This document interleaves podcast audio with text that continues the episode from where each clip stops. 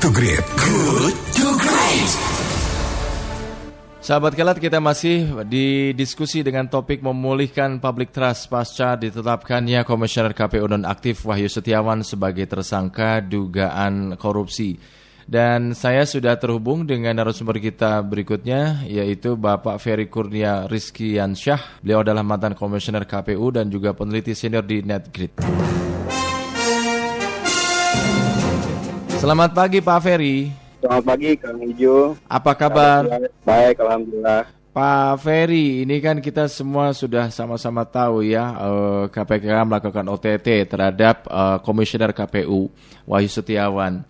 Bagaimana tanggapan Anda atas kasus ini, Pak Ferry? Ya, tentunya yang pertama adalah eh, prihatin ya dan sedih mendengar kasus ini terjadi eh, di tengah mengembalikan citra penyelenggara pemilu yang memang banyak dinamikanya di pemilu 2019. Untuk persiapan 2020 ini kan tentunya perlu upaya yang memang lebih eh, baik lagi, tapi Hmm. ternyata ada kasus seperti ini menimpa ya saya sendiri sedih ya dan prihatin dan ini menjadi satu catatan buruk bagi proses penyelenggaraan eh, demokrasi yang ada di Indonesia seperti itu. Pak, sejauh pengalaman Anda dulu apakah pernah ada kasus seperti ini gitu? Waktu periode eh, saya dan kawan-kawan, eh, alhamdulillah tidak ada ya kasus Hmm. seperti ini. Dan sebenarnya kita berharap bahwa kasus ini eh, tidak akan terjadi kalau memang memang eh, prosesnya sudah sudah selesai dan tidak ada intervensi dari mana pun terkait dengan soal seperti Hmm. Itu yang kita sangat sayangkan. Pak Ferry, ini apakah menurut Anda dalam eh, mekanisme pergantian antara waktu atau PAW ini masih ada loophole gitu yang berpotensi terjadinya suap sebagaimana kasus eh, Wahyu ini, Pak? dalam pengamatan saya atau dalam aktivitas yang pernah saya alami dalam proses PAW sebenarnya kan sesuai dengan aturan yang eh, berlaku. Mhm. Undang-undang sudah mensyaratkan bahwa proses PAW itu mekanismenya diganti dengan calon terbanyak berikutnya seperti itu. Di dalam Undang-Undang MD3 pun disebutkan ketika dia meninggal, mundur atau diberhentikan Hmm. itu bisa di PAW. Nah, mekanisme itu kan diatur dalam PKPU. Bagaimana nanti dari pimpinan partai ke pimpinan dewan, pimpinan dewan ke KPU, KPU akan menyerahkan kembali kepada pimpinan dewan. Kalau tidak ada masalah, itu segera diganti. KPU dalam porsi mengganti. Iya. Kalaupun ada masalah, itu perlu diklarifikasi ataupun diverifikasi terlebih dahulu dengan menanyakan terkait dengan yang memang dipermasalahkan. Nah, sebenarnya celahnya tidak tidak ada. Bahkan keputusan yang dibuat kan pleno.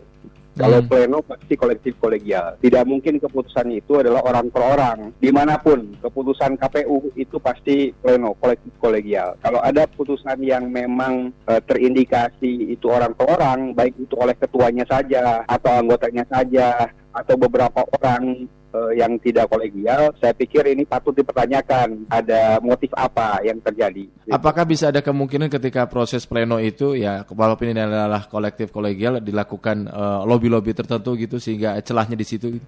saya pikir kalau lobby-lobby kan pandangan-pandangan para anggota saja dengan Hmm. berdasarkan fakta, data dan juga aturan main yang ada disampaikan dalam forum pleno. Perdebatan pasti ada. Hmm. Tapi kan nanti keputusannya adalah sesuai dengan aturan dan mekanisme yang memang eh, berlaku. Hmm. Gitu. Lalu ini celah yang terjadi dalam kasus ini ya, eh, itu ada di mana menurut Anda, Pak Ferry? Saya juga tidak mengerti mengapa ini bisa terjadi ya.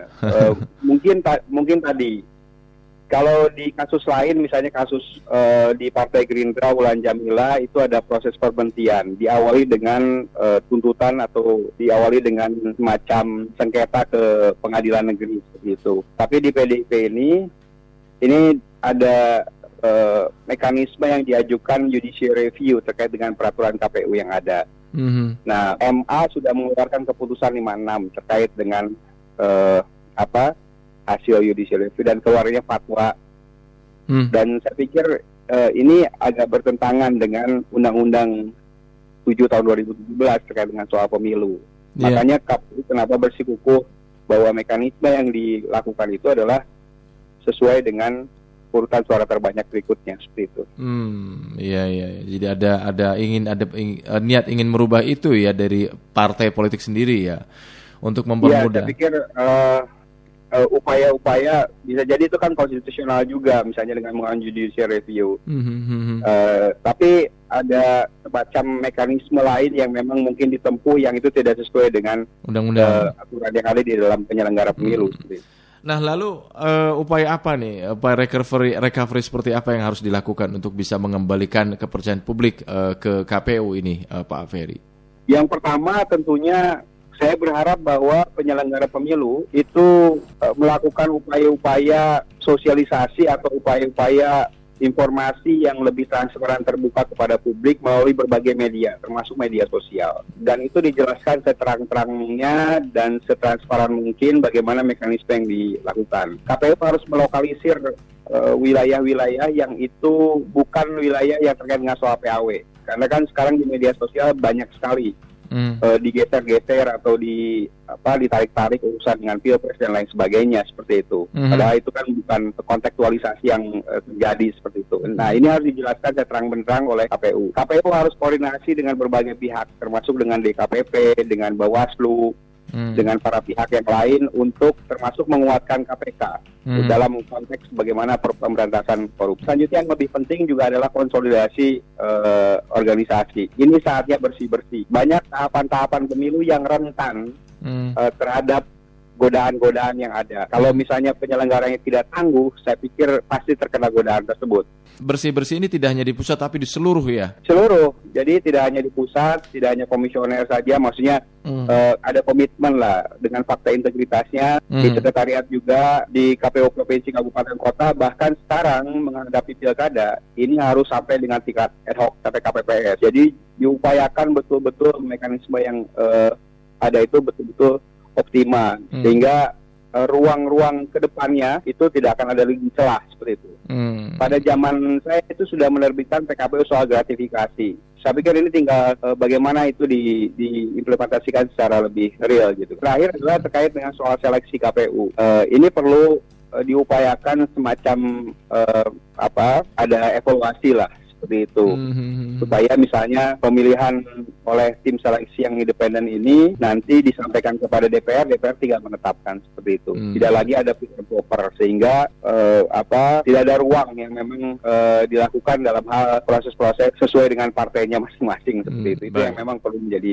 perhatian dan catatan. Hmm, Baik, baik. Terima kasih Pak Ferry atas waktunya pagi ini. Sukses untuk Baik, Anda Pak Ferry. kasih, demikian sahabat kenal Pak Ferry Kurnia Rizkian Syah, mantan komisioner KPU yang juga peneliti senior di NetGrid. Jadi memang hal pertama yang harus dilakukan oleh penyelenggara pemilu adalah lakukan upaya sosialisasi yang lebih transparan tentang bagaimana mekanisme yang harus dilakukan. Terbuka, transparan kepada publik.